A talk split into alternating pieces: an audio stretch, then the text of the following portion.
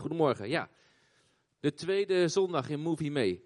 En ehm, aan mij de eer om eh, aan de hand van een film eh, wat, wat waarheden uit het Koninkrijk van God eh, mee te geven. En dat wilde ik doen aan de hand van de film The Railway Man. Ehm, even een korte introductie. We gaan als eerste even een clipje bekijken. De film speelt zich af in 1980. Ehm, en dat zie je in de kledingstijl misschien een beetje en hoe mensen, de, de, de voertuigen. Um, de hoofdrolspeler heet Eric Lomax. En dat is een veteraan, een oorlogsveteraan uit de Tweede Wereldoorlog. Die heeft uh, behoorlijk wat meegemaakt uh, in de tijd dat hij in dienst zat. Hij heeft in Azië gediend.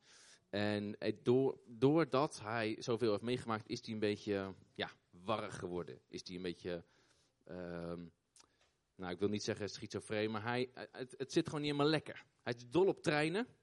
Nou, dat blijkt later ook uit het verhaal. Maar hij is dol op treinen. Hij reist het hele land door. Op zoek naar snuisterijen van treinen. Op zoek naar beurzen over treinen. Op zoek naar van alles en nog wat. En uh, in een van die treinen ontmoet hij zijn vrouw. Nou, heel mooi verhaal. Ga ik nu allemaal niet laten zien. Um, hij trouwt met die vrouw. Hartstikke leuk. En uh, op het moment dat ze getrouwd zijn, komt, komt er gewoon best wel wat naar boven van het verleden. En dat is het moment uh, nou, waar ik mee wil beginnen. Om even te laten zien in wat voor atmosfeer terechtkomen. Dus wacht de video aan. Ja. Als je naar het gezicht van, uh, van uh, Eric Lomax kijkt, dat is natuurlijk wel uh, sowieso een briljant acteur. Oh, dat is niet mijn, zijn niet mijn aantekeningen. Een liedje. Als je kijkt naar het gezicht van, die, van, van Eric Lomax, nou, dat, dat, die man zit gewoon gigantisch in de knoop. Als je s'nachts zo wakker wordt met, met zoveel nachtmerries, dan heb je, dan heb je nou, wat, duidelijk wat, uh, wat dingen nog mee te dealen. En hij zit eigenlijk gevangen in, uh, in het verleden. Hij is eigenlijk gevangen in, in wat hem is aangedaan. Hij houdt vast aan de pijn, hij houdt vast aan de wraakgevoelens, hij houdt vast aan nou ja, de dingen die hij zegt. Uh, het breken van zijn longbeen, het eetstokje door zijn oog. Ja, dat zijn niet dingen waar ik dagelijks aan denk. Maar, maar hij, hij, er zit zo'n diepe haat er zit zo'n diepe wrok in deze man, dat hij niet vrij is. Hij, weet je, hij leeft in een vrij land, hij leeft in Engeland. Ze zijn bevrijd, uh, hij is getrouwd, ze kunnen alles doen wat ze willen. Maar hij is nog steeds niet vrij. Hij is niet vrij van wat, wat, van wat hem is aangedaan.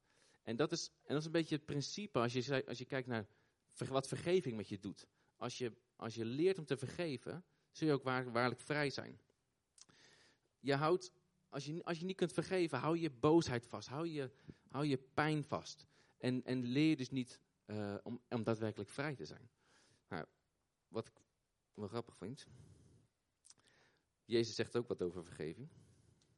En dat doet hij eigenlijk op het moment dat, uh, dat hij zijn discipelen het Onze Vader leert. En na het Onze Vader zegt hij, um, want als jullie anderen hun missta misstappen vergeven, zal jullie hemelse Vader jullie ook vergeven. En dan komt hij helemaal. Maar als jullie anderen niet vergeven, zal jullie vader je misstappen evenmin vergeven. Nou, dat is wel echt, dat is wel heftig. Dus als ik met wrok rondloop, hè, misschien uh, mijn buurman die uh, iets lelijks heeft gezegd, of uh, iemand anders die me iets kwaad heeft gedaan. Als ik hem niet kan vergeven, dan kan mijn hemelse vader mij ook niet vergeven. Dat, dat, dat is wel heftig. Ik kan me voorstellen, nee, ik weet wel zeker, iedereen heeft wel momenten dat het moeilijk is om te vergeven omdat je, er is je onrecht aangedaan. Um, er zijn dingen met je gebeurd, mensen hebben dingen over je gezegd, tegen je gezegd. Dat, dat, dat, dat, nou, dat is gewoon onvergeeflijk. Dat kan niet. En toch, en toch zegt God hier, Jezus zegt hier, vergeef anderen zoals, zoals jullie vader je vergeeft. Want als je niet kunt vergeven, dan kan je vader je ook niet vergeven. Laten we Laten we daar, denk daar eens over na. Hoe vaak hebben we wel niet, hoe vaak heb ik wel niet, laat ik het bij mezelf houden, dat ik, dat ik me gekwetst voel. Of dat ik, uh, dat ik vind dat iemand mij onrecht aandoet. aandoet. Uh, hij zegt iets lelijks over mij. Of uh, hij zet zijn auto op mijn parkeerplaats neer, weet ik veel. Um, hoe vaak gebeurt het wel niet dat we gekwetst zijn? Dat we, dat we eigenlijk een beetje boos zijn om een situatie die misschien helemaal niet belangrijk is. Of dat we juist vasthouden aan datgene wat van vroeger is ik kan me wel herinneren dat ik uh, situaties van vroeger va vasthield. Hè? Nou, ik, uh, ik ben nog steeds boos. Ik ben nog steeds gefrustreerd over wat, wat mij is aangedaan. Maar ben ik dan waarlijk vrij? Kom ik dan daadwerkelijk in mijn bestemming?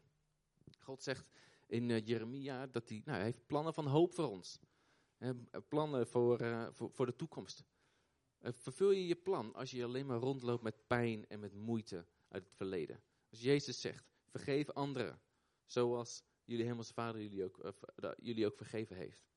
Ja, ben, je dan, ben je dan waarlijk vrij als je niet kunt vergeven? Paulus die zegt ook, um, overwin het kwade door het goede te doen. Dus als iemand jou wat kwaads doet, doe het goed. Keer je andere wang toe. Um, hou van hem. Hou van die persoon. Word jij, word jij onheus bejegend? Word jij iets aangedaan? Overwin het kwade met het goede. Dat was clip 1. Um, ehm, we gaan verder in de film. Um, ja, eigenlijk het vervolg waar we gebleven zijn. Eric Lomax die gaat uh, zijn bul opzoeken. En dan gebeurt er iets heel uh, bijzonders.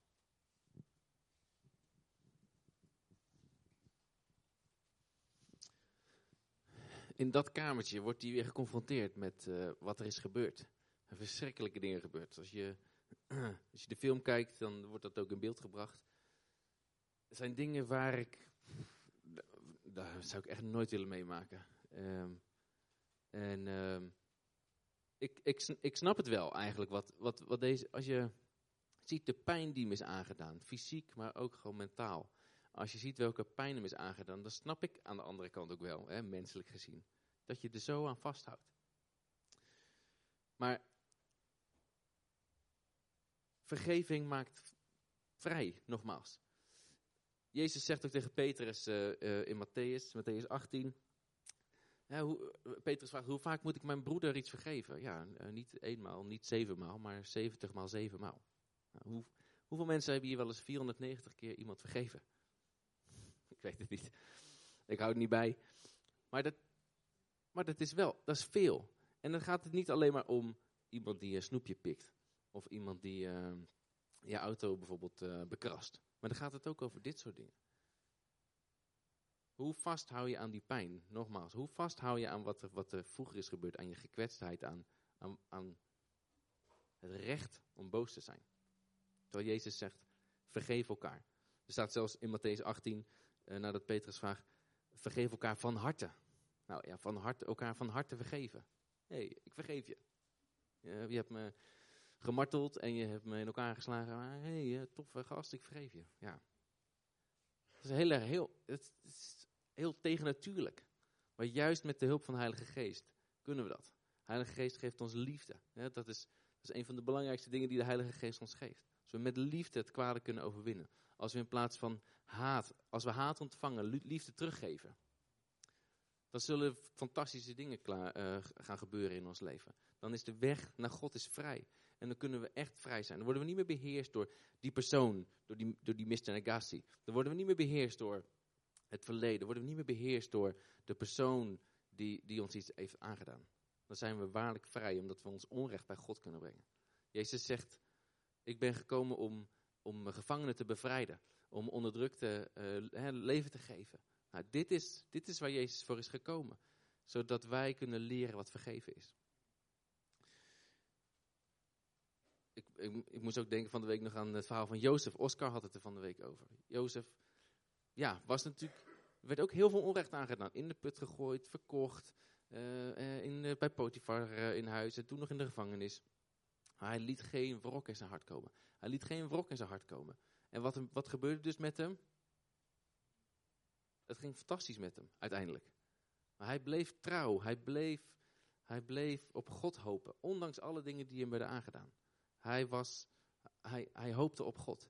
En was niet wraakzuchtig. Hij was niet boos. Hij was misschien wel heel erg teleurgesteld. Maar hij hield niet vast aan de pijn die hem was gedaan.